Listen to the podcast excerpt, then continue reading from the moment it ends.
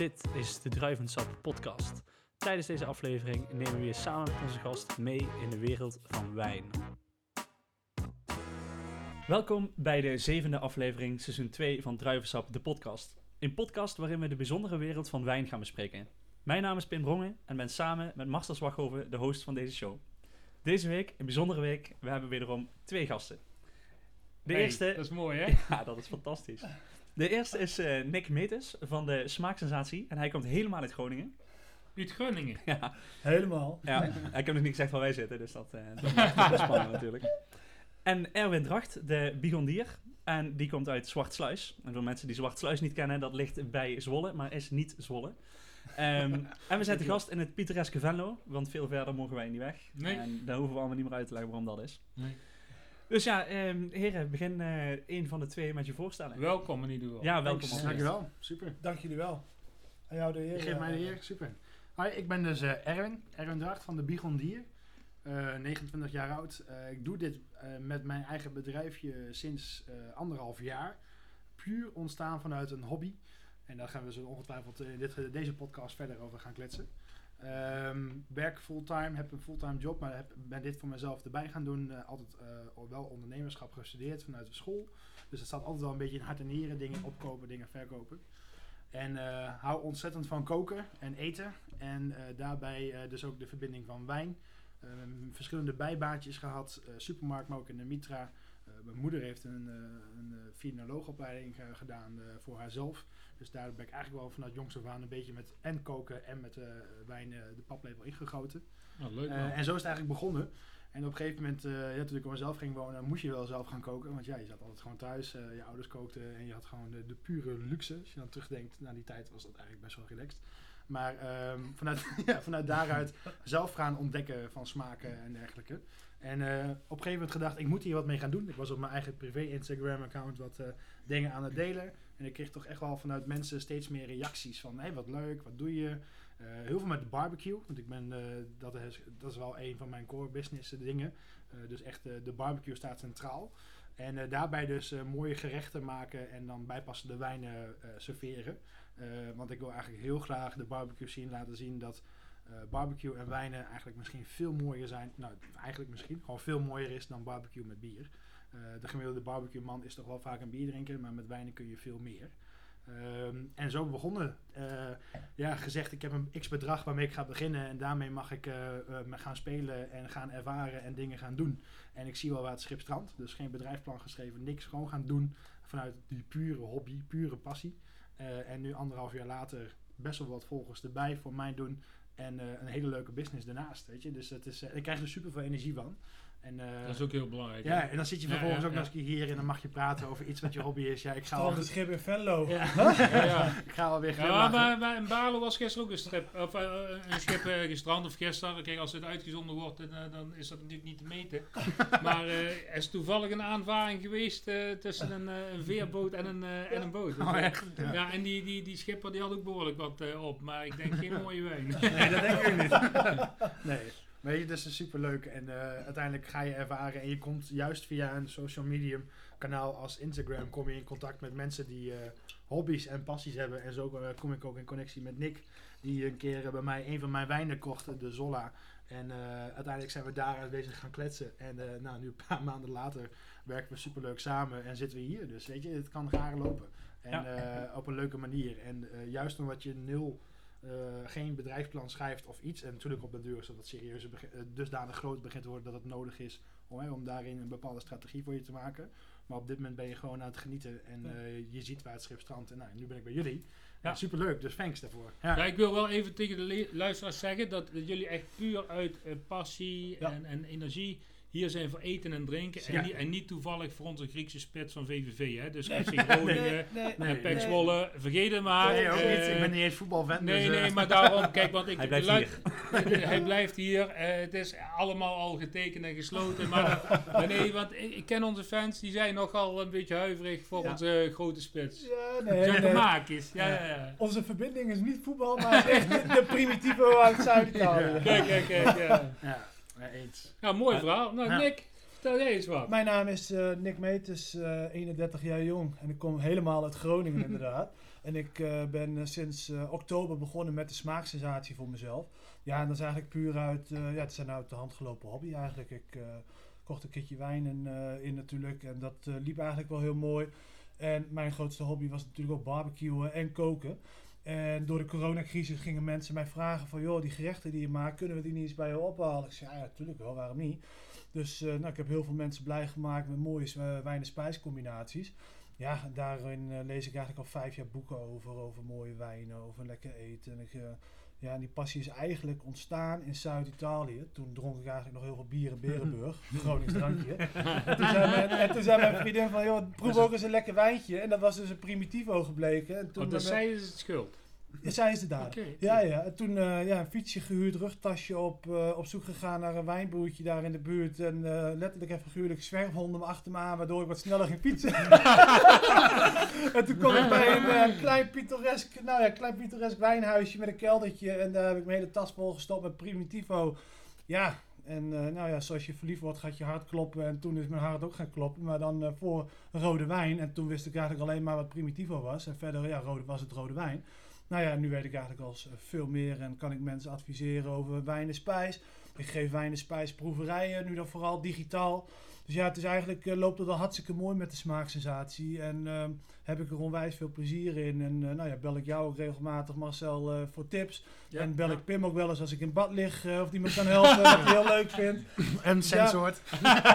Ja, en op, en op Ja, ieder zo zijn advies, hè? ja, ja, inderdaad. En eh, nee, op Instagram, dat is een social media natuurlijk waar wij allemaal eh, hè, als 31-jarigen veel op zitten. En ook met ons bedrijfje. En daar heb ik Erwin ook leren kennen. En eh, zo ben ik ook in aanraking gekomen met eh, de Wine Companions en met Marcel natuurlijk. En met Butcher Creative, met Martijn. Ja, zo is eigenlijk eh, nou ja, ook een, eh, een mooie vriendschap eh, tussen ons ontstaan. En dat resulteert er nu naar dat ik hier samen met Erwin zit, die ik op dezelfde manier heb ontmoet.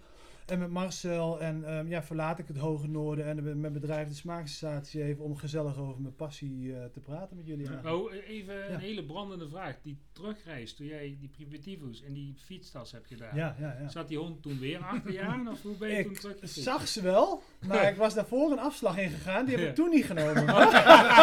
Ja, het is natuurlijk wel een beetje oneerlijk voor de luisteraars, want er zit geen beeld bij. Ja. En sommige mensen kennen Nick niet, dus het is natuurlijk wel oneerlijk dat wij keihard lachen omdat Nick wel of niet hard fietst. Bedoel je nu op mijn postuur? Nee, Dat nee, nee, helemaal nee, niks. daar kan niet helemaal Ja, we gaan. mochten net nog geen gewicht horen. dus, eh, op dat. Maar, we- maar, Op ondertussen heeft eh, eh, Pim een hele belangrijke taak van mij overgenomen. Want ik mag altijd het eerste slokje wijn inschenken. En ik ben altijd het meest ongeduldig. Nou heeft Pim dat eh, gedaan. En die vergeet ons alle drie ook. Dus dat heb ik in de tussentijd ook even Ja, gedaan. zag ik. Ik had al zo vermoeden dat dit eraan zit te komen, maar ik wil het wel even uitleggen. Want Eh? Nick heeft dus allemaal eten meegenomen en dat is echt super Ja. lekker. En daar heeft hij eh, een eh, worstje uit eh, ja, Groningen meegenomen. Een chorizo En uit dat- Groningen, wat volgens Pim geen chorizo... Dat suggereert dat het chorizo is. Ehm, nee, ja, en dat, eh, dat, dat brandde, nee, het brandde niet, maar dat eh, bracht een smaak in mijn mond die ik niet bijzonder prettig vond. Ja, Dus ja. En er staat voor de eerste keer in eh, twee seizoenen geen water op tafel. Oh ja. Ehm, dus ik dacht, ja, hm, hoe kom ik hier nou dan? vanaf? Ja, ja. Dus je Wat een dus straf. Wat een straf. dacht ik, ja, dan ik gewoon dat maar het een wasje niet lekker heel was. klein slokje wijn in, dat ik heel even mijn mond kan reinigen. Dat was de reden. Ja, ik vond het nogal... eh, eh, maar ja, goed. Maar ik vind het een vrij goed excuus. Maar jij vond het worstje niet lekker, want je hebt hem inmiddels half. Dat zeg ik helemaal niet. Dat zeg ik helemaal niet. Maar ik zal je even, de luisteraars ook, ook even eh, toelichten. Ook jullie eh, als gast eh, zijn er. We hebben ehm, Château du Mour du Tendre uit de eh, ehm, eigenlijk, ja, Zuid-Rhône. Dus je hebt twee, twee gedeeltes Ronde, Noord-Rhône, Zuid-Rhône. Dit komt uit de Zuid-Rhône. Ehm, eh, en ja, het ligt eigenlijk in, in, de, in, in de Provence, het plaatsje. En daar zit de familie Pamel. En die hebben daar al, eh, Paul die het nu doet, is de zevende generatie en Hm. doet al eh, acht jaar eh, die wijnen maken. En op een heel authentieke wijze, eh, terwijl die gozer pas 25 is en, en echt waanzinnige wijnen maakt. Ik vind het ook leuk, want jullie zijn vooral gespecialiseerd op Italiaanse Ja, wijnen tot op heden. Een beetje Spaanse invloeden had ik al eh, Ja. begrepen van Erwin. En ehm, ja, dat maakt het juist leuk om nu eens Spaans eh, te laten proeven. En ja, het is voor Frans. ons eh, een heel... Of, sorry, Frans, dankjewel.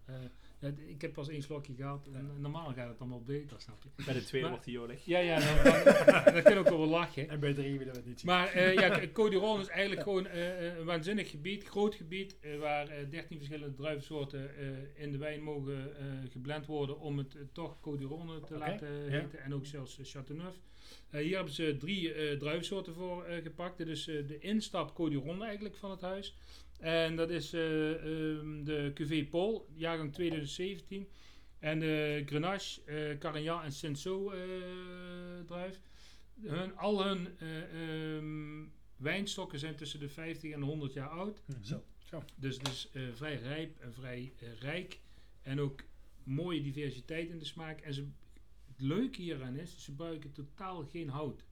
Niet eh, voor de opvoeding, niet in de gisting, helemaal niet. Gewoon allemaal RVS. En flesrijping. Dus het is echt heel uniek. Ehm, en ik, ja, ik zou zeggen, heren, eh proef eens. eh, Ik zat er al even naar te kijken, Ja. maar eh, mooi, mooi licht kleurtje inderdaad. Mooie tranen.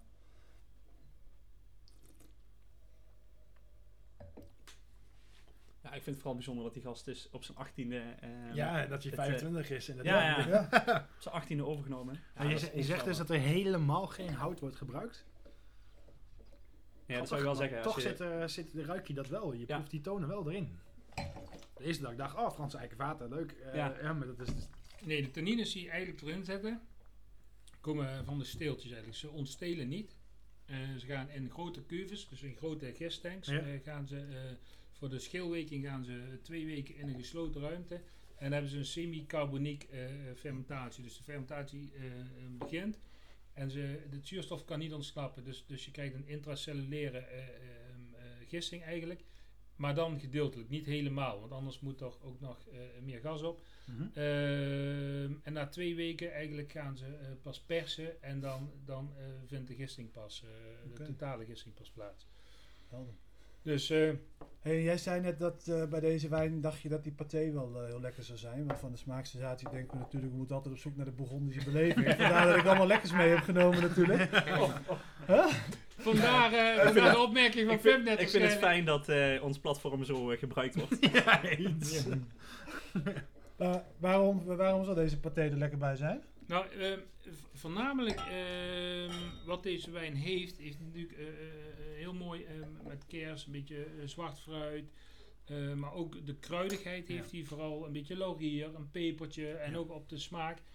Een hele mooie sappige eh, smaak heeft hij. eh, dus hij is heel vriendelijk. maar hij heeft wel echt, echt genoeg bite om, om echt, echt in de, de wijn te bijten. En ja, dat heeft dat vettige van die, van die paté natuurlijk nodig. Maar ook die kruidigheid die erin zit. Want het is een behoorlijk Ja. kruidige paté. Ik Ja, heb al een stukje mogen proeven. Ja. Kijk, nog een stukje. En eh, eh, ik denk dat eh, deze cuvée Paul daar goed mee gaat. Maar we krijgen dadelijk nog twee Codirones. Eh, ehm, dat is de Vieille Vigne, dus de oude Ja. stokken. En dan de Plan de Dieu, dus het, het stukje grond van God eigenlijk. Oké. En daarna de Chateauneuf eh, eh, hiervan. En eh hij varieert daar ook met de druivensoorten, zal ik daar ook nog toelichten. Ja. En dat, dan krijg je totaal andere Codirones. Dus we kunnen ook kijken bij welke Ja. Codiron dat Is het beste allerlekkerst? Ja. allerlekkerst is. Maar dit is hun ja, instap eigenlijk. En ik vind dit een fantastisch glas wijn eigenlijk. eh. Nou, eens. Want je gaf inderdaad al aan dat ik, wij zijn allebei wel wat eh, Italiaanse fans eigenlijk, zeg maar. En wel, net voordat we deze podcast opnamen hadden we het al over van, ja, ik ken één Franse wijnhuis waar ik echt fan van ben, zeg maar. En dan eh, de rest ben ik eigenlijk daar vernieuwend in. Maar deze, ik vind hem dus juist super kruidig van Mhm. smaak, zeg maar. Hè. Heeft echt wel, je proeft ook echt die, hij is heel warm, maar ook heel, heel vol nog, zeg maar. En die paté die is ook wel kruidig. En hij is sterk genoeg om die dat vettige door te, te doorboren, zeg maar, van Ja, die paté. En hij blijft daardoor wel overeind. Ja, het mooie is natuurlijk, eh, in de Rhône heb je dus de rivier de Rhône. Hè? Hm. En dan heb je eh, eh, septentrion, septe- septentrional, dat is de, het Noord-Rhône. Ja. En, eh, mer, en dat is de Zuid-Rhône. En de eh Noord-Rhône, ehm, dat, dat, ja, dat, dat, dat, daar zit Condrieu in, waar echt super mooie witte wijnen worden gemaakt. Côte-Rôtie, een Gros Hermitage, Saint-Joseph, Saint-Péret. Eh, ja, dat soort Connas zijn echt waanzinnige appellaties allemaal. Maar hoofdzakelijk ehm, gebaseerd eigenlijk op Shiraz-druif. Hm. Tja. Hele Ja, mooie, pu- zeg hele maar. mooie pure Ja. Shiraz. Hoogzuren, eh, eh, volle smaak, eh, kruidige smaak. Ja. Maar hele grote Ja. diversiteit ook, Ja. waar, waar je hem ook, ook, ook plukt. eh, of je hem eh, juist, want daar heb je ook allemaal terrasbouw, omdat het allemaal Ja. heel stijl is daar in die rivier. Ehm, maar wat ik er eigenlijk mee ook weer wil zeggen, dat de Mistral daar ook doorheen gaat. Dat is de, de wind die Mhm. eigenlijk Ja. alles droog eh, maakt. Ja, dus ja. daardoor krijg je daar ook, eh, ehm, het koelt ook wat af. Dus je hebt hele warme zomers, maar door de Mistral krijg je ook verkoeling. Mhm. Maar ook eh, ehm, eigenlijk eh, de mogelijkheid om de, de druif wat langer te laten hangen. Omdat de Mistral eh, de, de, de regen eigenlijk van de druif afdroogt. Oké, helder. Dus en Ja. dat is wel heel prettig. En het Zuidrome, daar, waar we net over hadden, dan moet het dus 13 eh, verschillende. Maar ja, voornamelijk is het daar Grenache, Carignan, Cinsault, uh, Mourvèdre. Dat zijn de hoofd druivensoorten. Mhm. En ehm, daar hebben ze ook meer wit natuurlijk, maar dat is voornamelijk ook eh Grenache Blanc eh, waar ze dan van maken. Maar rood, eh, daar bijvoorbeeld in de Vacquerin, de Gigondas of de Châteauneuf du Pape, Ja. is daar heel bekend. En ehm, ja, ik, ik vind eigenlijk, vroeger gebruikten ze ook een beetje, nog steeds Ron een beetje ondergeschoven kind, terwijl Ron juist echt heel erg sterk is en ook meer altijd evenwichtig is en ook veel smaak heeft en diversiteit in de smaak. Maar vroeger gebruikten ze ook altijd in de Bordeaux, eh, ehm, dat, toen hadden ze, was eh, de Rhône nog niet bekend, Mhm. eh, deden ze met in Bordeaux wijnen het versnijden van de Rhône wijnen om wat meer kracht te geven. Dat mag natuurlijk zeker niet meer met, met, met de appellation contrôlée. Maar eh, ehm, dat gebeurde vroeger wel. En dat is, daar is Rhône toen eigenlijk meer mogen komen. En nou, ja, er zijn een paar grote bedrijven die eigenlijk het voortouw nemen in, in de Rhône qua naam. Zoals eh Chapoutier en ehm, even nadenken, ehm, Gigal. Dat zijn hele belangrijke natuurlijk, die echt de naam hebben eh, uitgedragen. En wat, wat Condrieu een, een gangmaak heeft, Chateau Griet, is ook over heel de wereld bekend. Ja. Georges Vernet. Um, ja, dat zijn echt hele grote Ja. uh, namen eigenlijk. Met hele, heel veel uh, um, kwaliteit eigenlijk. Ja. Dus ik vind het leuk dat ik dat met jullie kan delen. Ja. Want Ja, vet. Ja. Leuk. En Gaaf. even een vraagje, want in principe als je een wijn op hout eh, laat rijpen, dan eh, gemiddeld doorsnee wijntjes liggen hè, soms een jaar of soms korter of natuurlijk ook wat langer. Maar deze ligt dan eh, best wel lang op RVS-vaten, zeg maar. ja, twee jaar. Liggen ze altijd zo lang op RVS-vaten om dan... Nee, het, het, het ligt puur um, aan de wijnmaker wat die uh, ervan denkt. Uh, wat, hoe, hoe die zijn gevoel is met de wijn. Ja. Um, hoe hij denkt dat de wijn stabiliseert voordat hij op de fles moet. Want dat Mhm. is het allerbelangrijkste natuurlijk. Je, kijk, een, een, een, een wijn uh, op fles bottelen en daarna wild zijn en, en, en, nog niet helemaal klaar. Of een beetje gist nog erin. Of, noem maar op. Dus ze, ze, zorgen echt dat die wijn helemaal klaar is. Dus twee jaar liggen ze dan uh, op die RVS-vaten. En dan pas wordt er gebotteld. En dan pas gaat hij de markt in. Ja. De, 2017 is ook, ook de, de, meest recente uh, die die op de markt heeft op dit moment. Ja. Oké, okay. mooi. Lekker. Voordat we verder gaan, is het denk ik nog wel uh, belangrijk, want we hebben uh, ja, een van onze standaard vragen nog helemaal uh, niet gesteld. Oh ja. En dat is, uh, wat is jullie favoriete dans. wijn? Oh, mijn favoriete dans. Ja. Um, en dat mag dan, om het makkelijker te maken, een streek, een druifsoort zijn. Dus je hoeft niet per se te zeggen, die wijn van dat huis. Het mag ietsjes, iets, iets, iets groter. Ja. Nou, ik trap hem wel af dan. Ja. Uh, um, ja, ik ben dus fan van de Italiaanse wijnen en dan vooral de, de, de Primitivo, Sangiovese en dat soort druiven. Maar als ik de favoriete wijn mag, of kies in dit geval, dan is het voor mij ook heel veel beleving. Daar hadden we het net al over. Hè. Wijn is beleving, eten is beleving. En misschien vind ik dat nog wel het allerbelangrijkste waarom ik eigenlijk überhaupt de Bigondie voor mezelf ben begonnen. Om mensen te laten inzien dat je met dierbare mensen ook gewoon kwalitatief lekker mag eten. En ook gewoon moet gaan tafelen om met ook weer even, juist in die digitalisering waar we zitten, gewoon even aan de individu te vragen hoe gaat het met je. En voor mij is een wijn die voor mij qua beleving het belangrijkste is, maar ook qua smaak daardoor misschien niet de allerbeste wijn is, maar wel super lekker, is de Carnivore. En dat is een Cabernet Sauvignon uit Californië. Alleen de eigenaren, dat zijn twee jonge jongens, die uiteindelijk uit een Italiaanse familie uh, zijn gekomen. Die zijn geëmigreerd naar, Italië, en naar Amerika om daar eigenlijk de technieken die zij in Italië hebben zeg maar, uh, geleerd van hun overgrootouders en dergelijke. Zijn ze daar in dat klimaat gaan ja, hanteren. Dus je proeft eigenlijk ook wel diezelfde manier van de Italiaanse wijnmakerijmethodes die ze gebruiken. Uh, dat doen ze bij de Carnivore Cabernet Sauvignon ook. En dat okay. is best wel uh, interessant. Ik denk, ah, ik moet even wat in informatie zoeken. Waarom heeft die wijn, waarom, past, waarom vind ik hem zo lekker? Yeah. Waarom lijkt hij zoveel op de Italiaanse? Maar is het er dus niet Nou, toen kwam ik hier dus achter dat het gewoon twee broers zijn die uit een lange Italiaanse familie eh, gewoon daar zijn gezetteld en hun, ja, hun business zijn begonnen. En ze hebben inmiddels ook een Zinfandel en ze hebben meerdere wijnhuizen ook onder hun naam nu hangen, nou, los van de carnivore. Ja, voor mij is het heel erg belangrijk, want wij hebben ooit een keer, ja, vertelde het letterlijk in de auto toen we hierheen zaten, Nick.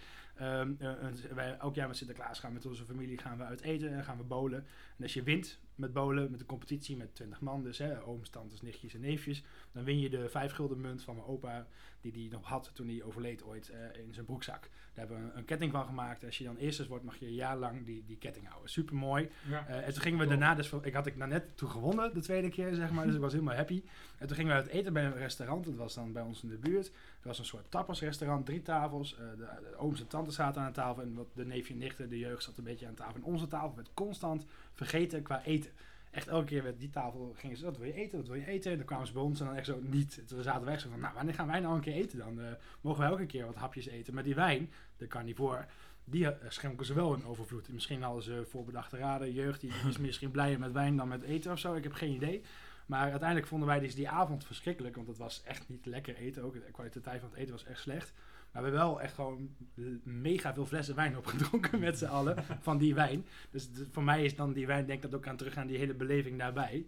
En er is nog een restaurant waar ik uh, heel graag uit eten ga, waar ik met mijn vriend uit eten ga. En uh, de, toen we één jaar hadden en toen we twee jaar hadden, zijn we daar uit eten gaan. Uh, stond, die, heeft die, stond die wijn dus ook op de kaart. Dus voor okay. mij is het, daar, ik vind dat heel belangrijk dat dat soort belevingen zijn. Ik verkoop hem nu ook vervolgens voor me in. Ik verdien er bijna niks op, mag iedereen oprecht weten. Maar dat is gewoon puur vanuit... Dat is niet slim, hè, Pim? Nee, dat, nee, nee. nee dat is niet slim. Dat is niet slim. Maar het is voor mij meer een stukje herinnering aan bepaalde emoties en dierbare herinneringen. Die ik veel belangrijker vind dan, ja. dan, dan daadwerkelijk het geld mee te verdienen. Weet je, en uiteindelijk gaat het er mij om dat mensen ook, wat ik dan ervaar bij een wijn, en als mensen dan vervolgens zeggen, ik vind het een sloeberwijntje, ja, weet je, dat mag, dat mag je vinden. Iedereen heeft daarin zijn eigen mening. Ja, de een ja, vindt iets zoet en de ander vindt iets droog. Smaak uh, blijft altijd dat is echt, twist, hè? Ja, alleen voor mij is, als je dat daarna kijkt, dan, uh, dan heeft die fles wijn, die zal altijd wel in mijn hart blijven. En altijd, altijd blij, ja. En er is nu een wijn die ik nog lekkerder vind qua smaak, als je echt kijkt naar de smaak.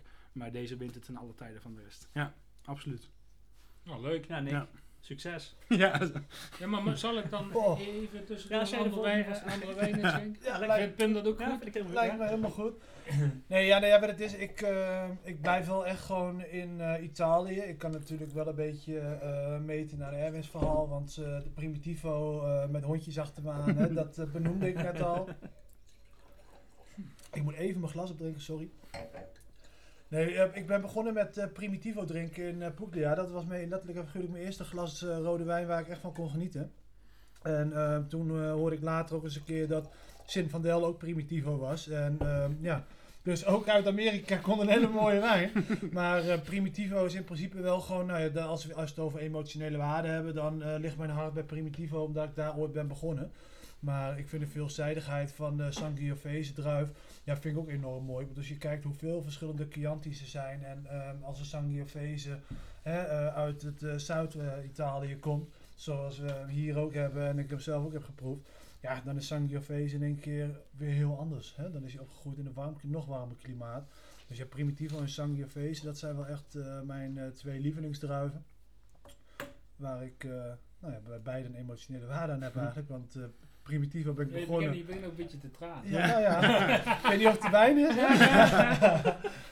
nee, dus dat, dat zijn wel echt mijn favoriete druiven. En als ik echt, uh, nou ja, het is als, als ik echt geld over heb voor een wijntje om echt achterover te zitten, muziekje aan, dan uh, pak ik gewoon een Amarone natuurlijk. Want dat van is Massimago. Zo, van Massimago inderdaad. Hoppatee, daar hebben we er weer aan. De Massimago van Amarone. De Massimago Amarone. Ciao Matteo, ciao bello.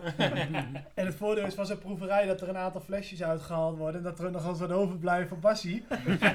en dan zit ik daar met een lekker uh, bodempje nog in de fles en dan, nou, dan zit ik daar onwijs van te genieten. Dus, uh, maar uh, als we naar, uh, hè, naar verhouding drinken wat ik vaak drink, dan is het echt Primitivo en Sangiovese zeker. Ja. ja. En voor de complexe Snap ik. Ja. Ben, ben jij ja. nog gewisseld van favoriete wijn, Marcel? Nee, ik, ja, ik, ja, ik, ik wissel eigenlijk al. Doe je ergens op? Ehm, ik, ik, ik, ik kan, nooit zeggen, op, nee, maar ik kan nooit zeggen welke, welke wijn ik favoriet vind. Want ja, waar we het altijd over hebben, het is een beleving op dat moment. Ja, en uh, gaandeweg uh, dat je ouder wordt, beleef je ook steeds meer wijnmomenten ja. als je wijn blijft drinken. Dus, ehm, en er worden heel veel wijnen in de wereld heel mooi gemaakt en heel, eh, zijn heel interessant. En eh, een tijdje terug heb ik ook weer eh, iets van eh, vijf echt eh, exclusieve wijnen achter elkaar mogen drinken. Week later was ik weer met een vriend wandelen, heb ik ook Mhm. weer drie waanzinnige wijnen mogen we- eh, Ja, die drinken. heb ik gezien, die foto's. Die Dat ik mooi. denk van jeetje mina, wat wordt er mooi wijn gemaakt. Ja. Dus ja, eigenlijk, ik, ik hang Ja. nooit vast. Ik, ik heb laatst een, een, een, witte wijn uit Spanje gedronken. Ik geloof dat ik nog nooit zo'n mooie witte wijn uit Spanje heb gedronken. En, en, en dus ja, en ik had er nog nooit van gehoord. Dat Nee. ook nog eens. Dus dat vind ik helemaal te gek. Ja. Maar wat Ja, je we zegt klopt wel. Het is ook een beleving van dat moment. Kijk, ik blijf natuurlijk enorm hangen in die ervaring van die avond. Mhm. En als iemand anders dan je wijn drinkt, die denkt, oké, ja, lekkere wijn of zo, denk ik, ja, ik vind deze ook wel lekker. En dan zit ik echt, nou, hoe kun je dat nou zeggen? Ja, ja, Want, ja. oh ja, oh ja, wacht even, er zit voor mij inderdaad een waarde aan. Ja. En dat is, met, er zijn zo belachelijk veel mooie wijnen. Eh, en Ja. zeker ook omdat je ziet dat steeds meer jeugd, als je dan praat over onze leeftijd, hè, 20, 30, die, eh, waar vroeger pils eh is ook gewoon... nog jeugd genoeg wordt. Ja, fijn. Dat ik wauw. Maar, Nou, ik, ik, maar ik ben er wel bij jullie mij gaan noemen. Nee, sorry jongens. Nee, ik bedoelde gewoon de jongere generatie. In dat opzicht, eh, die, je, iedereen drinkt dan, je ziet steeds meer dat ze eerder instappen in wijnen. Ook omdat Ja. in speciaal biermarkten, werd, werd op een gegeven moment het laatste jaar is nu booming. Wijnen beginnen ook steeds meer daarin dat mensen ook eh, waarderen wat voor, wat voor Maar smaak ook echt door de wijn- en spijscombinatie. Want jongeren gaan meer barbecuen. En dan hè, lezen ze op internet wel dat de wijnen bij passen. Ja, Dus ik heb nu ook wel een paar jongens gehad van, ik denk 19 jaar. Die kochten dan bij mij dikke Chianti's en dikke stukken vlees. Hij vond het heerlijk. Terwijl Ja. ze eigenlijk gewoon hè, kratjes bier op kratjes bier zitten Ja. en leeg drinken. Maar kunnen ze ook gewoon genieten van een zware Chianti. Ja, maar ik maar denk was het toevallig. Ik denk, Ja, dat eh, is ook erg mooi. ik denk dat het wel ook heel veel te maken heeft met, eh, met, met door het speciaal bier Ja. wordt de stap naar wijn makkelijker. Ja. Ja, En dat heeft eigenlijk heel veel te maken met geld. Ja. Want als je ziet wat jeugd op dit moment, of jeugd, jongeren op dit moment betalen voor een eh, blikje bier. ja, klopt. Ik betrapte me de laatste op dat ik eh, een blikje bier op zat te drinken, een klein blikje, waar ik eh, 9 euro voor had betaald. 9 Jeetje. euro. Zo. Inkoop. en ik kan best scherp inkopen. en eh, dat ik dacht, oh, dit is echt lekker. En toen... Maar dat eh, mag ik wel. Ja, maar toen, dacht- Voor zo'n blikje, ja, maar toen zei. Ja, maar als je nou eh, 9 euro voor een fles wijn vind je dan weer eh, Te veel. Te veel. Ja. ja, Dat het vind ik meer dat niet, maar dat is wel een beetje de, de Ja. discussie dan. Ja. En als je ziet, wij, ja, we tijdje terug een winkeltje eh, gehad toen dat nog, eh, nog enigszins mocht. Ja, toen verkochten gewoon eh, blikken bieren van eh 4, 5 euro per stuk. Ja, Geen inderdaad. probleem. Nee. Ja, en het is zo, een fles wijn deel je natuurlijk. En Ja. een blik, een blikje bier drink je hè, alleen op. Ja, 100%. Deel je een fles wijn? Zeker. Met Oh. wie? Met Michelle. hè? Ja, Als je luistert, ja, ja, ja. Oh man. Eh, eh, eh, voor de podcast zei hij van niet, hè? Ik wou zeggen, ik heb net wat anders gehoord. Ja, ja. eh, Wie is Michelle? Ja. Er zijn net een andere naam. Oh? Nee.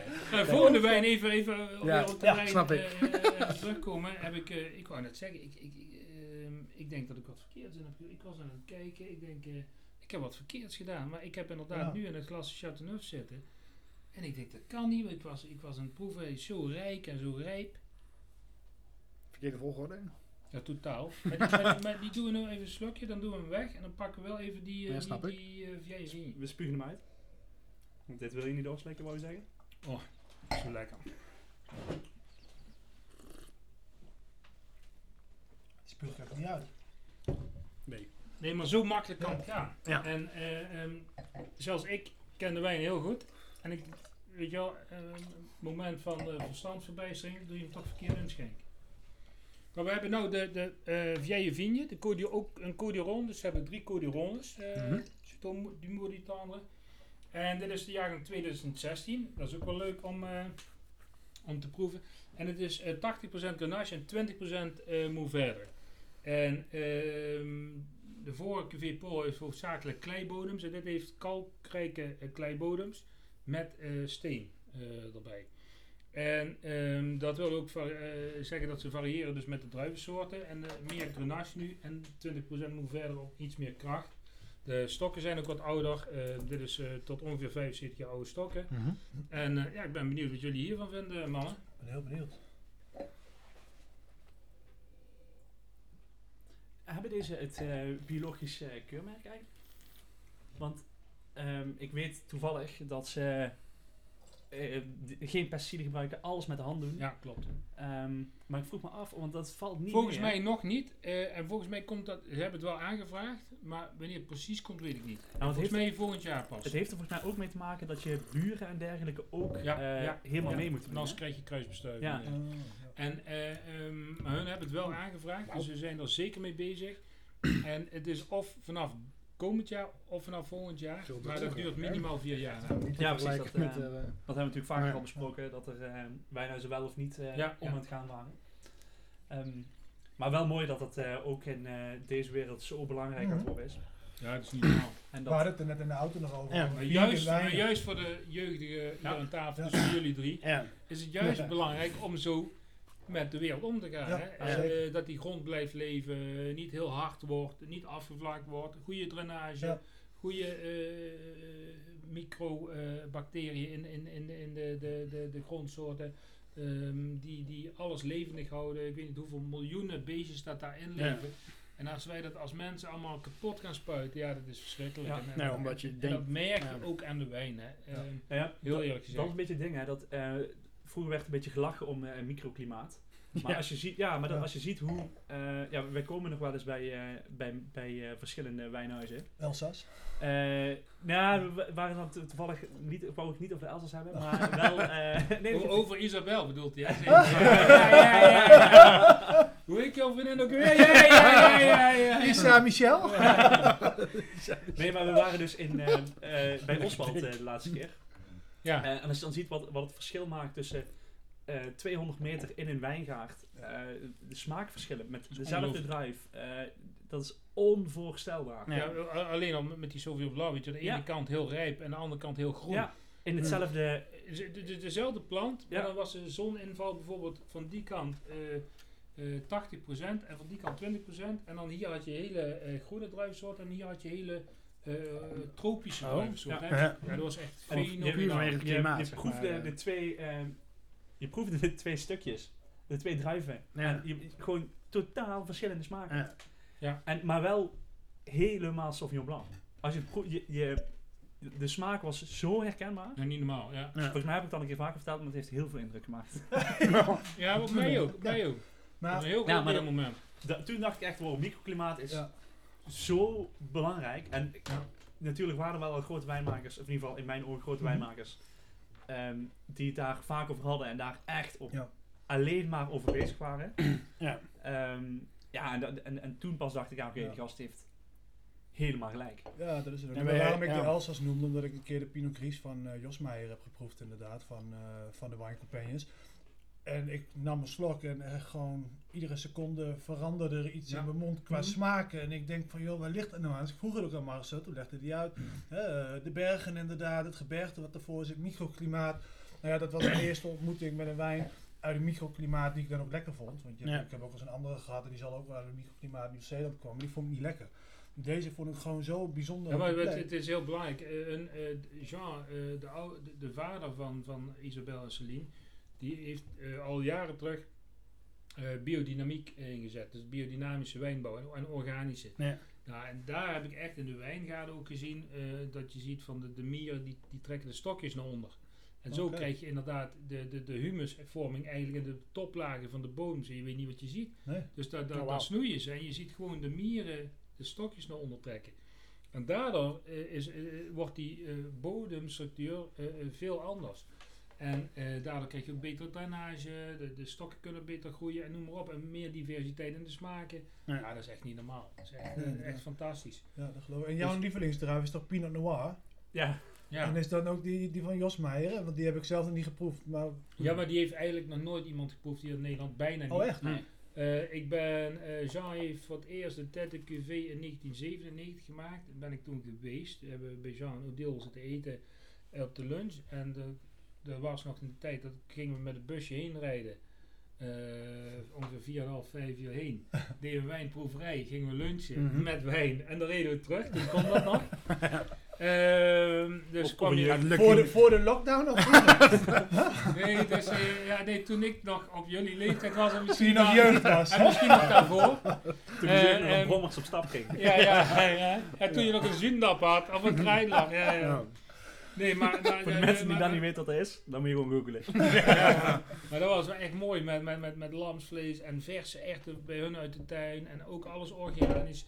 En dan die wijn erbij, eh, zijn experiment eigenlijk. eh, en nu op dit moment doen ze maar één groot fust eh, maken per jaar. Is eigenlijk al- altijd uitverkocht, dus Ja. dat Ja. kan ook bijna niemand kopen. Nee, oké. Nee, maar het kan ook gewoon. Hè. Kijk, ik- er zijn, als je tien jaar geleden toen ik op school zat, hoorde je de term maatschappelijk verantwoord ondernemen. Dat was echt, ja, Ja. die kon je toen echt niet meer horen soms op school, zeg maar. En ik, nou, gaan we weer. Ieder bedrijf moet maatschappelijk verantwoord ondernemen. Maar als je ziet, tien jaar later, waar we dan nu staan. Nu en zou je niet anders meer durven. Nee, dat je, dat, het woord, dat, het heet dat niet meer maatschappelijk van het ondernemen. Nee. Sustainability, je noemt het een, eh, geef het een, een term, zeg maar. Maar je ziet wel, en dat zie je ook, want ik probeer dat met, de, eh, met mijn bedrijf, met de Bigondier, en ik weet dat jij dat ook doet, eh, ehm, dat kwaliteit soms echt veel belangrijker is dan kwantiteit. Ja, ja, En je, zeker, kijk, zeker. en als, je, en als je dan inderdaad wat meer gaat betalen voor de, de- een goede fles wijn, zeg maar, pak dan ook al je ingrediënten. Gewoon bij lokale eerlijke spelers, Haal een paar van die uit die chains, uit die supply chain, haal die mensen er gewoon even uit en ga gewoon terug naar de, naar de roots, naar de basis. Want dan pas hoor je soms wat voor kwaliteit je hebt. En, dan- en, en, dan, en dan beleef je zoveel meer Ja. lol. Zeker. ja, weet En je. zoveel meer passie. En snap je in één keer veel meer qua smaakintensiteit. Zeker En, en het doet veel meer met je, met, met, met, met, met je vreugde in je hoofd en noem maar op.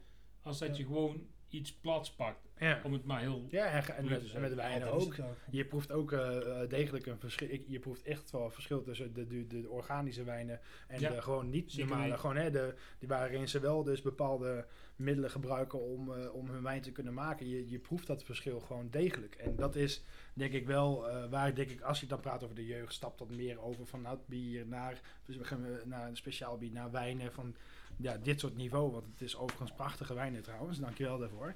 Ehm, zie je wel ook dat mensen dat steeds meer ook gaan waarderen. En, Ja. en dan hoef je niet drie of vier of zes of zes, zeven flessen te drinken. Ja, en als je het doet, moet je het ook doen. Maar ja, er zijn ook al... Ja, maar dat doe ik ook wel. Ja, Nee, dat zei je omdat ik net voor de podcast had gezegd dat ik zes flessen op had. ja, ja, het valt op, jongens. Het valt op. Nee, ik doe dat zelf ook af en toe nog wel eens, zeg maar. Dus eh, laatst ook met mijn vader en twee vrienden. eh avondje uh, gedaan. eh, en eh, acht flessen wijn verder waren ook allemaal kacheltje. Maar goed. Toen hebben ze me laten winnen.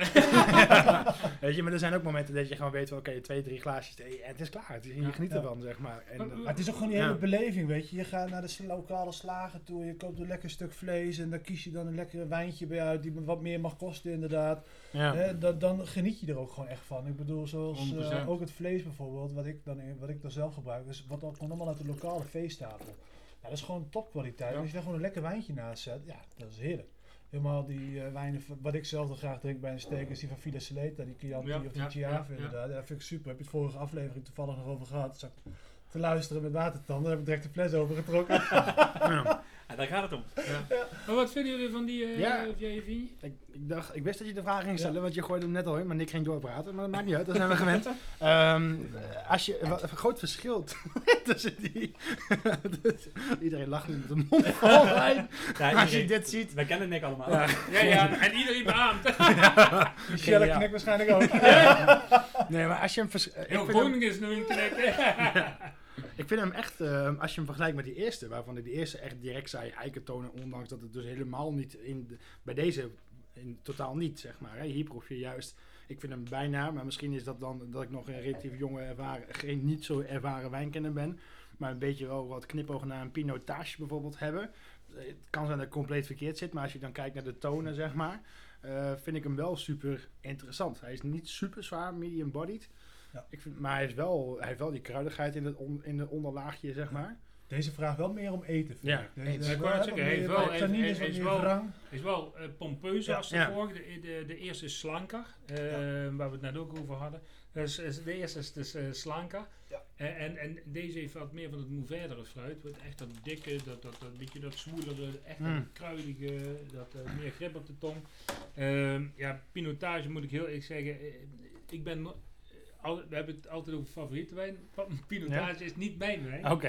ik, ik heb nog nooit een pinotage gedronken eh, of geproefd die ik echt lekker vond. Nou. Eh, misschien ook een uitdaging van, voor de luisteraars om mij te overtuigen. Heb je maar, de van de Aldering ooit gehad? eh, uit Zuid-Afrika? Ik ga niet in op eh, eh, eh, namen, want eh, dan doe ik soms, soms mensen tekort. Check. Dat heb ik wel gehad. Oké. En, en die vond hij niet lekker. ja. Ja. Nee, maar dat, is, eh, dat blijft een... Maar over smaak valt twist. Nee. 100 procent, 100 Wij zijn het vaak met elkaar eens. Niet Ja. altijd. Nee, nee, nee, maar dat hoeft ook niet, hè?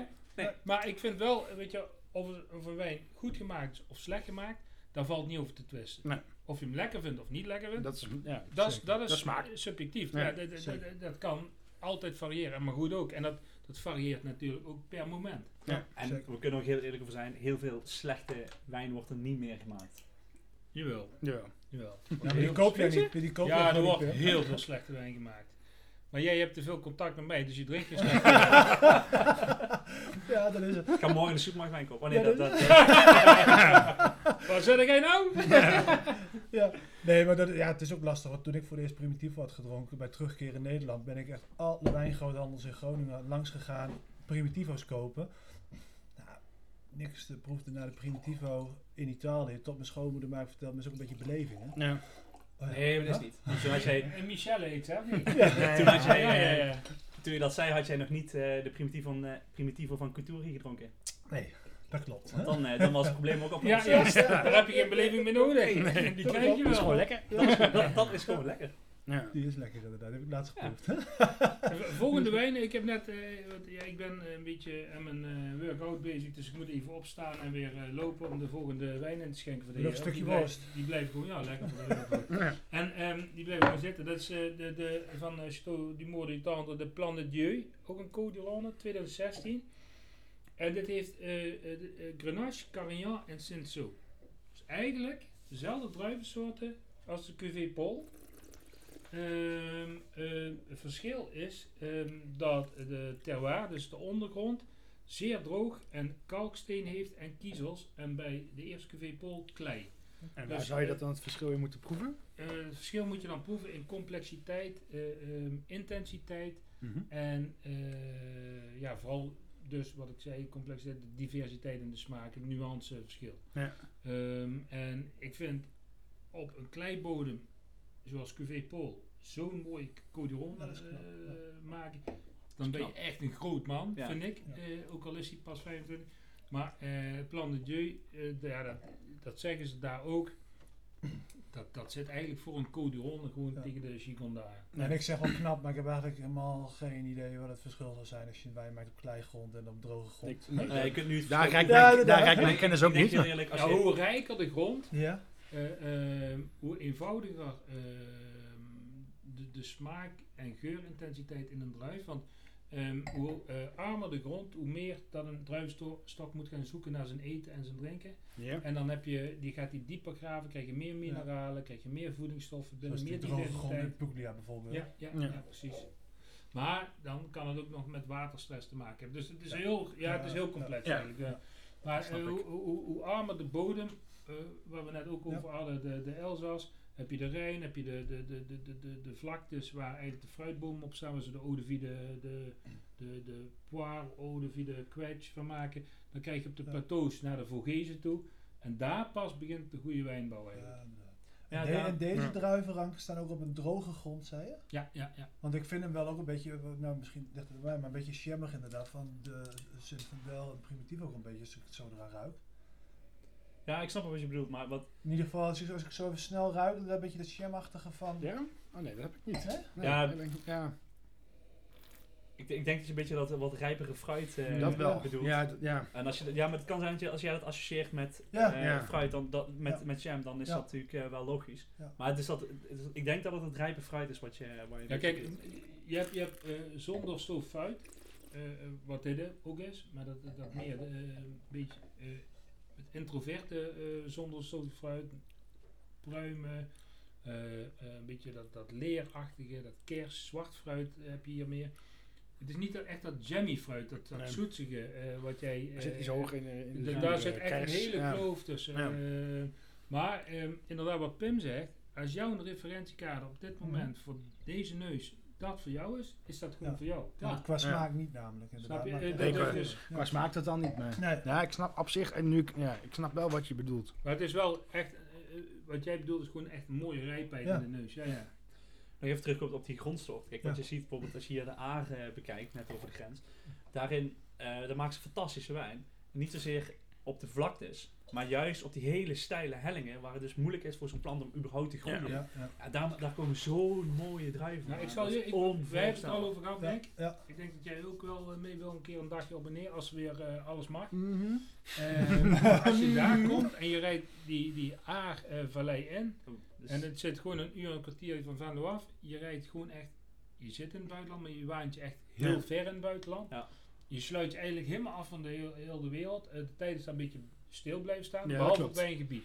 Ja. Ja. Ja, Op wijngebied zijn ze echt heel ver eh, door het komen nu. En hebben ze vooral in de jaren 90 vooral grote stappen daar gemaakt. En eh, da- daar gaan we binnenkort. En met de eh, aar, dan bedoel je naartoe. welke gedeelte van de aar, zeg maar? De aar is toch de provincie deel? Of, eh, Nee, ja, nee de, de Aar is eigenlijk eh, ehm, van Bad Nooienaar en dan naar het noorden toe eigenlijk naar uh, Aarweiler. Ja. En dat is een gebied van eh 25 kilometer langs de rivier de Aar, waar de wijnbouw eh Ja. zit. En 1 kilometer eh, breed eigenlijk maar. Super klein. En het is super klein, Ja. hele st- eh, steile hellingen. Moet ik Dus het ook- vergelijken met een moezel dan bijvoorbeeld? Want de moezel heeft ook relatief wel Ja, maar nee, nee, dat is veel breder. Dat is breder. En, eh, check. eh, de Moezel bijvoorbeeld heb je de Bremmer Kalmond. Dat is de, de, de steilste he- helling van heel eh, Europa. En, en daar ben ik ook een keer wezen lopen. Eh, daar krijg je hem ook nooit meer op. maar, ehm, ja, maar dat zijn allemaal eh, leuke dingen. Maar de Aar is ook heel steil. En bijvoorbeeld de Munchberg bij Deutscherhof hè, Ja, is echt is magnifiek. Ja, niet gaaf. normaal, is echt niet normaal. En dit is ja klein. Je hebt daar die, ook die roodwijnwandelweek. Dus eh, dan loop je over die, die, helemaal te wandelen. Dus ook die kleine paadjes. Ja, dat is echt hè, fantastisch. krijg je het ook al warm, hè? Ik eh, kijk er naar uit. Hè, wanneer gaan we? Nou, Massa loopt die, eh, die wandelweek niet zo graag. Oh. Nee, nee, nee, want wat, eh, mijn dochter heeft een keer gezegd, die was de vorige keer mee. Hij zegt, op een gegeven moment komen we weer onder. Toen zegt ze, nou pap, ik krijg jou nooit stil, maar als ik jou een keer stil wil, dan gaan we die... die Dan hoor je dit. Ja, dat was niet normaal. Dat was niet normaal. Net zoals de trap Nee, dat van net. nee, nee, nee, nee, nee, nee, dat- ik ben atletisch, hè. Die mensen, zien Oh. het- mensen zien me gelukkig niet. Maar dit is zo'n weggetje en het gaat daar zo, hè. Oh, Ja. Je zegt wel dat mensen zien het niet, maar je kunt gewoon wel zeggen dat je de lichtste man aan tafel bent. Ja. Ja, ja, dat klopt. Dat is Maar ja, het eh, het ligt er net aan met wie je aan tafel zit natuurlijk. Ja. nee. maar maar dit, dit was dus eh, eh, de Plan de Dieu. Ja. Eh, ja. Ik vind hem eh, ook gewoon lekker om zo te drinken, inderdaad. Waar, die, eh, Ja. waar de tweede die we net hadden, hoe noemde die? De, de Vier. Ja, die vraagt naar mijn mening echt om eten, inderdaad. En de Cuvée Paul vond ik gewoon lekker om zo te drinken. Ja. En deze inderdaad. eh, Ja. De eerste zou Ja, je misschien nog wel meer pakken bij een gewoon lekker goede borrelplankje. Ja. Dat je gewoon even het Ja. avondje filmpje kijkt. Ja. En, eh, Ik, ik vind deze is alle, alle drie gewoon, ja, ik vind alles van dit huis überhaupt, Ja. is gewoon zo mooi gastronomisch, gastronomisch inzetbaar. ja. Je kunt eigenlijk bij alles echt super mooi eten. En ik vind echt dat ze allemaal op een goede manier vragen om eten. Ja. Ik krijg Ja. bij dit, dit drinken altijd honger. ja, dat snap ik. Misschien even een gekke vraag, hè, maar bij een, eh, een Franse wijn, ik kook veel met Italiaanse wijnen, zeg maar. Mhm. eh, hebben jullie ook echt dingen die je hier graag bij eet? Als je dus ook kunnen ze opkomen bijvoorbeeld? Of? Hierbij. Ja? Ja. Oh, een lekker stoofpotje. Of, Ja. eh, Ja, inderdaad. Ja. Lekker wild. Of, ehm, Ja, je- eend. Ja. misschien. Ja, hier kun je zoveel bij Ja. doen. Echt. eh i- i- Eat à l'orange of zo. Eat à l'orange, weet je wel. Ja. Heel klassiek, maar het kan hier makkelijk bij. Ja. Maar dit is ook de enige wijn. En we hebben ook, ook eh, influencer Tom eh, van Tom Wines. Ja. Hè, en Tom, eh, de cigaarsmoker uit Hendrik Ido Ambach. Die, die vindt deze wijn ook perfect bij een sigaar. Maar dit is Snap ik. Ja, van zo, mijn ja. idee ook. Want de meeste rode wijnen ontleden altijd eh, met Ja. een sigaar. Hè, als je dat samenpakt. Dit kan er wel Ja. bij. Ja, want hij heeft ook een beetje die turf en die Ja, rokerige ja, erin ja, zitten, zeg maar. Absoluut, Ja. absoluut. Ja, en ik ben persoonlijk niet zo'n sigaarroker, dus ik kan daar Nou, heel slecht over meepraten. Wat ik dus echt grappig vind, ik ben dus twee jaar geleden gestopt na 15 jaar roken ongeveer. En dat is niet helemaal waar, eh, is 10 jaar roken. En ik, ik, eh, daarna ben ik ook echt pas serieus gaan barbecuen. En pas toen ik gestopt met roken was, proefde ik eigenlijk wat de barbecue nou echt deed met mijn eten. Ja. Namelijk, je proefde ook gewoon weer de rooksmaak. Maar dat Ja. proefde ik nooit, want mijn hele smaak Ja. was gewoon, ja, verpulverd in dat opzicht een klein Mooi beetje. dat jij nu na, ja zit te zeggen, terwijl jij gewoon rookt. keihard staat erop.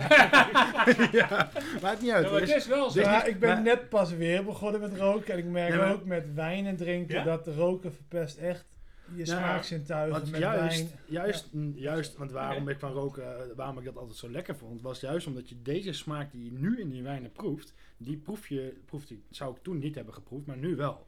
En dan is het in één keer van, maar hey, ik denk dat jij jouw eh, eh, ehm, smaken van jouw gerechten die ook anders ervaart. Omdat je die rooksmaak, wat je net zegt, anders ervaart. Maar dan ga je doe jij liefst veel roken of juist medium? Nee, eh, ja, het of- verschilt enorm per ik, gerecht. ik vind Ja. dat wel heel belangrijk. Ik vind dat overdone Nee, vind ik niet smoken, lekker. Vind ik echt oh, niet lekker. ik zo vies. Ik, eh, ik bijvoorbeeld, ik kies het, als ik mij eh, een beer can chicken maak, of ik, ik, dan snij je, of je maakt de, de variant dat je de rug eruit knipt en dat je hem gewoon grilt. En dan doe ik misschien een heel klein beetje kers daarin, want dan moet een wat lichter houtsoort, maar ook echt niet veel. Want ik vind het dus helemaal niet lekker dat mijn kip gewoon overdone gerookt is, zeg maar. Ja, de kersenrook inderdaad, dat is altijd wel gewoon, gewoon Dat kan, lekker, weet je, dat, maar dat geeft net dat hele subtiele tintje. Kijk, en Ja. ook met spareribs, er zijn mensen die doen chunks erop. Ja, ik maak daar, ik maak daar gewoon gebruik van. Want ik hou meer van die subtiele smaken Ja. daarin. Maar ik speel dus met de gerechten dan ook met al die, als de wijn bijvoorbeeld, hè, een bepaalde. Als je die wijn- en spijscombinatie maakt, zoek je gewoon een toevoeging daarvan. En ja, lekker, als er in, eh, ik moet hem nog, eh, sorry, excuses. Ehm, als je de eh, wijn ontleed je qua smaken en je gaat dan kijken, oh ja, wat is dan complementair Ja. bij je eten. En hè, de ene die eh, doet dat op zijn manier, ik doe dat op mijn bombastische eh, manier die gewoon vanuit een Bourgondisch hart is ontstaan. En je kijkt dan gewoon van, oké, wat is het? En als er dan een klein beetje rook in je vlees wordt toegevoegd, moet dat wel ergens weer gecontra- gecontrasteerd worden met een andere smaak. ja, ja. Maar over well done roken, verschrikkelijk. Ja, ik heb een keer ja. spareribs gemaakt en dat was de allereerste keer of mijn tweede keer. Ik volgde keurig een recept wat iemand had geplaatst en uiteindelijk volg je, want je wist niet wat je deed. En eh, het was gewoon een rookworst naar binnen aan het werken was. Ja, sorry hoor, maar zo spareribs vlees. niet te, te, Ja, te, nee, te, ja, te het is echt smaken, Nee, zeg en, maar. vooral, en vooral als jij juist zo selectief bent in, in, in jouw keur van vleessoorten, Ja. eh, ingrediënten, andere Ja, ja, ingrediënten. ik stond voor jouw huilen. ja. ja. dan kun je het beter weggooien, want Ja. dan ga je inderdaad huilen.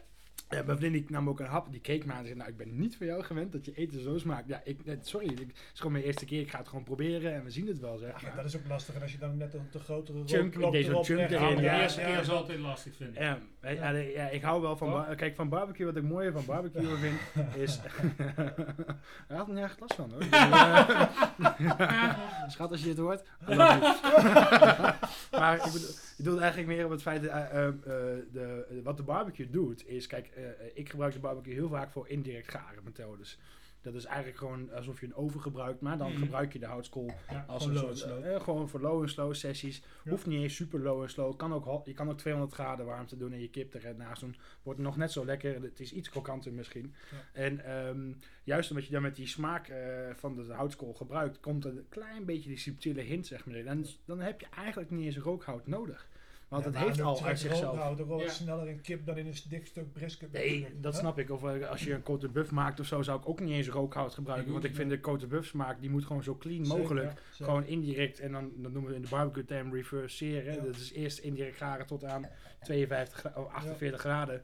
Dan het hout maximaal opstoken en eh, goed afvakkelen. Ja. En misschien een klein beetje insmeren met rozemarijnboter, eh, wat je daarnaast hebt gesmolten. En eh, dan wachten en dan gewoon aansnijden, peper en zout en klaar. Weet je, dan heb je een prachtig stuk vlees. Dan hoef Maar je kom maar door. Ja, de- ja, komt u toevallig net Ja. binnen. Jongen. Dan hoef je niet naar een Texas restaurant of zo waar je. En dan, en dan heb je gewoon. Dan zijn dit soort wijnen overigens trouwens super Ja. lekker erbij, moet ik zeggen. Ja, en juist, Ja, nou. maar juist dit soort wijnen passen dus wel weer bij een stuk groot brisket van 3 kilo. Wij, die je dus wel lekker uitroken. Want een groot stuk brisket kan echt wel een goede rooksmaak hebben. En daar blijft deze wijn dus ook wel weer mooi bij overeind. Ja, Absoluut. ja, eens. Maar we hebben ondertussen de volgende. Ja, de, degene. Ja, de Châteauneuf du Pape. Eigenlijk het, eh, het negende kasteel van de pa paus. Oké. Ehm, ja, het pronkpaardje eigenlijk uit de Zuidronde. Ehm, ja, dat is ook daarin is wel een hele grote diversiteit hoe je een Châteauneuf du Pape eh, maakt. Er zijn echt een paar hele goede, eh, zoals Boekenstel of eh Pego. Mhm. Of ehm, ja, Le Vieux Telegraaf en noem maar op. Er zijn echt een hele paar mooie, maar ik vind dit echt zo'n mooi stijl. Ook totaal geen hout. Eh, precies dezelfde druivensoorten als eh, eh, ehm, de, de eerste wijn eigenlijk. Of nee, als de tweede wijn, de, de Vieille Vigne. Mhm.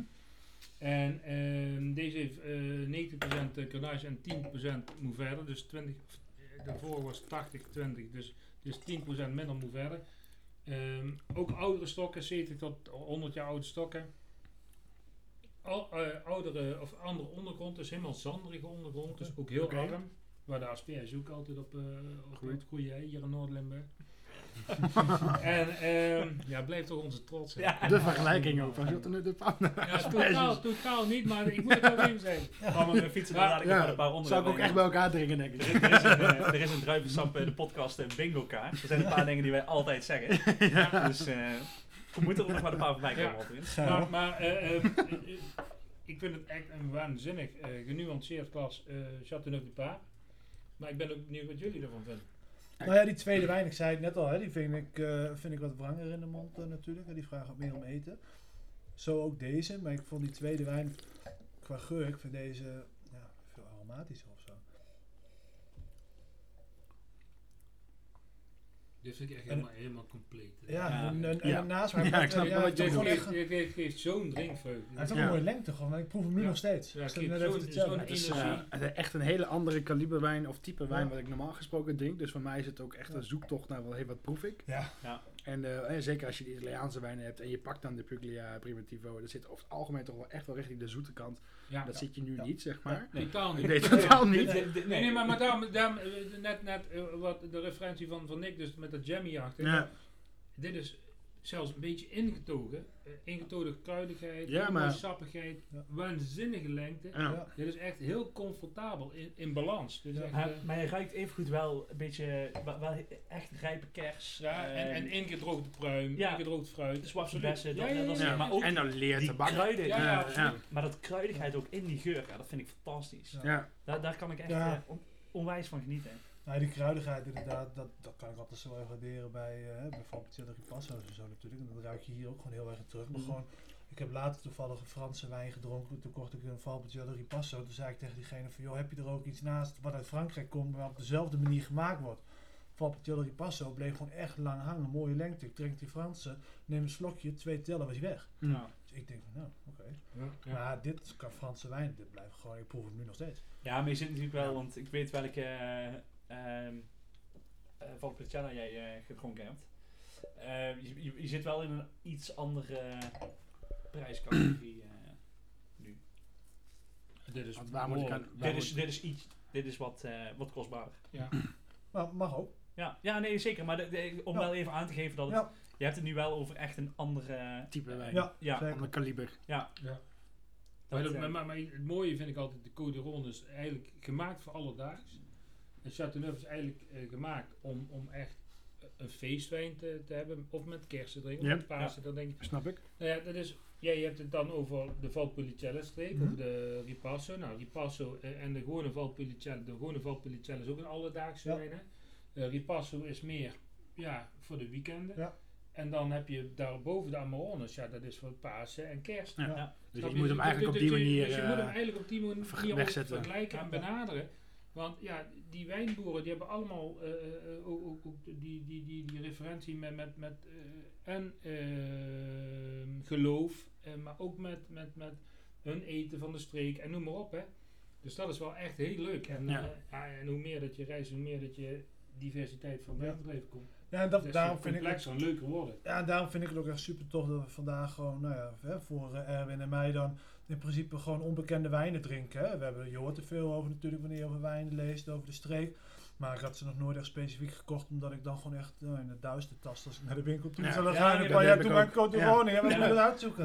Maar dat is ook heel snel. Want in Ja. Frankrijk vind ik in ieder geval, Frankrijk is wel een beetje categorie eh, door de bomen het bos niet meer zien. Ja. Ehm, Er is zo er veel. is zoveel historie, er, is, Ja. er, zit zo, er komt zoveel uit Frankrijk, zoveel verschillende Ja, dingen. maar let wel, hè, toen- ik begon met wijn, Ja, ja. Was, Dat was, waren ja. primitieve, primitieve uit Puglia of, of, of noem maar op, nog niet eens echt eh, helemaal doorgedrongen. Nee. Hè? Dus, dus toen hadden we nog die fiasco flesjes met die eh, mandjes erom Oh, waar Ja. de Chianti in zat. ja, ja. Aan het plafond hangen Maar komt weer. Lambrusco Dat komt en... En, de eh, en, en- that's it, hè? Maar dat komt weer. Ja, ja. Er komt een moment, dan gaan ze die weer in die rieten mandjes doen. ja, Ja, ja, dat hoop denk ik niet. ook wel. Maar ik koop, ik koop nu niet van de wijnkelder. Nee, nee, maar dat, ja. het is wel iets wat... ehm, Ja. Maar goed, waar gaan we dit bij... eh, we we hebben de smaak... eh of uh, wijn-spijscombinaties. Ik weet al waar ik dit niet zo bij zou doen. Ik zou een koekie uh, zeebaarsje zou ik Ja, niet nee. per se doen. Oh, we hebben hem gehad. Hè, hè, hè, hè. Ganzenlift hebben we ook nog niet gehad. Zijn we nu maar aan de- eh, eh, daar, daar zou Kan ik nu bingo zeggen? of, Ja, eh? ja. Oké, bingo. Ja, nee, maar, maar, maar, maar gewoon, een- gewoon een, een, een, een, Een een- flesje. maar, gewoon een bistecca voor Fiorentina of Ja. eh, Ja. Côte de Buff. Ja. Wel gewoon echt wel prime Ja, gewoon mooi met het vet samengebakken. Ja. Daarna trangeren. Ja. Beetje fleur de sel, beetje peper, beetje olijfolie. Toppie. Maar om het dan een beetje Frans te houden, denk ik dat een ene bosje misschien op de barbecue.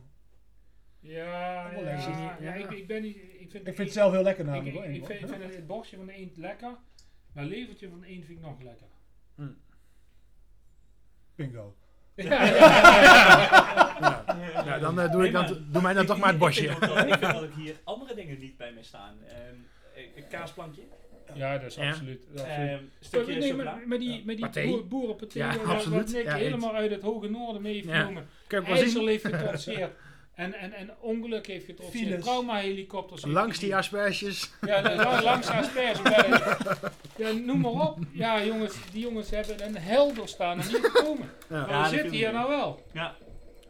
Ik denk dat het een zware, Ongelooflijk zware is. Ja. mooi hè? Ja. Nee, zeker niet. We hebben hele leuke gesprekken gehad onderweg eh, over mooie wijnen, inderdaad, Italiaanse wijnen. En nu zitten we hier gewoon ehm, Franse wijnen te drinken. En ik denk Mm. dat de terugweg over Franse wijnen gaat. Van, joh, hoe gaan we Franse wijnen ontdekken? Ja, leuk. Want eh, ja, ik dat is maar één manier. Ja. Ja, Even Gewoon terug te drinken. komen. Ja, ja, ja. zeker. Nee, maar ik vind het echt tof dat we deze wijn hebben geproefd. Ik, eh, we hebben ze straks nog eventjes voorgeproefd eh, met wat Spaanse wijn natuurlijk. Dus we doen een mooie Ja. reis eh, door heel Europa heen eh, Ja. op deze manier natuurlijk. Maar ik, eh, echt, ik, ik vind ze heerlijk. Helemaal die Cuvée Paul, dat was de eerste die ik dronk inderdaad. Dat eh, is tot nu toe wel mijn favoriet om gewoon zo te drinken. Snap ik. Eens. Ja. Maar ik zou ze alle vier zo weer kopen Zeker, en drinken. Maar Ja. je hebt die Cuvée Paul al eerder gedronken. Ehm, weet ik toevallig. Maar, Maar, jij is- weet ook veel hè? Ah, Ja, ik weet veel. Ja, maar ik heb... eh, ik weet ook hoe die in bad zit. Dus. ja, Zullen we nog maar stoppen dan? Nee, dat klopt niet. Jullie ba- jullie bonding gaat ik diep, heb de, Ik heb de wijncursus eh, heb ik aangeschaft om samen met eh, Michelle inderdaad, eh, om haar ook wat kennis bij te spijkeren. Mhm. Want ik denk altijd, dan ruik ik aan wijn en dan proef ik wijnen. Maar ik denk, mijn partner moet ook gewoon eh, wat van wijnen weten. Dus Ja. heb ik inderdaad eh, de wijncursus aangeschaft en eh, heb ik hem ook inderdaad al geproefd nu je het zegt. Ja. Welke proef nu? Café Paul, ja, dat is gewoon, dat is gewoon Ja. welkom. Dat is gewoon thuiskomen zeg ik Ja. maar altijd. Weet je wel? Dat is echt altijd lekker. Ja. Dat is zo. Ehm, we hebben hem denk ik. Ik denk het ook. Ja? Want ik denk dat de luisteraars eh, nu ons ook wel een beetje zat zijn voor. Nee, ja, ik, ik, denk, ik hoop dat de luisteraars eh, honger hebben gekregen en, eh, Ja. en Ja. zin in Ik wijn. wel. Zuid-Franse wijn en Zuid-Hollandse wijn. Ja, ja. Ja. Dan eh, wil, ik vanuit, wil ik jullie vanuit Venlo bedanken. Ehm, ja, dit gaan we nog een keer doen, want dit, ah, ik heb dat de vorige keer... Ah ja, wij willen jullie ook bedanken natuurlijk voor de Oh, gastvrijheid. ja, nee, het- nee, maar hij, hij lult altijd langs op het laatste. Dus Ja. dit, moeten we, dit moeten we overdoen. Dan gaan we daarmee afsluiten en wil ik jullie vanuit Venlo bedanken voor het luisteren. Heb je tips of vragen, laat ze gerust achter op onze social media kanalen. Je vindt ons op Instagram en Facebook onder Druivensap de podcast. Abonneer je vooral op onze podcast, zodat je geen enkele aflevering hoeft te missen. Dan willen Marcel en ik jullie nog bedanken voor het luisteren. En wil ik je Nick en Erwin nog bedanken ehm, voor het bijzijn van deze podcast. Hartelijk dank jongens, het was Thanks. fantastisch. Super. Graag gedaan, jullie ook bedankt. Ja, de outro is wel eens beter gegaan volgens mij. Maar in ieder geval graag tot de volgende.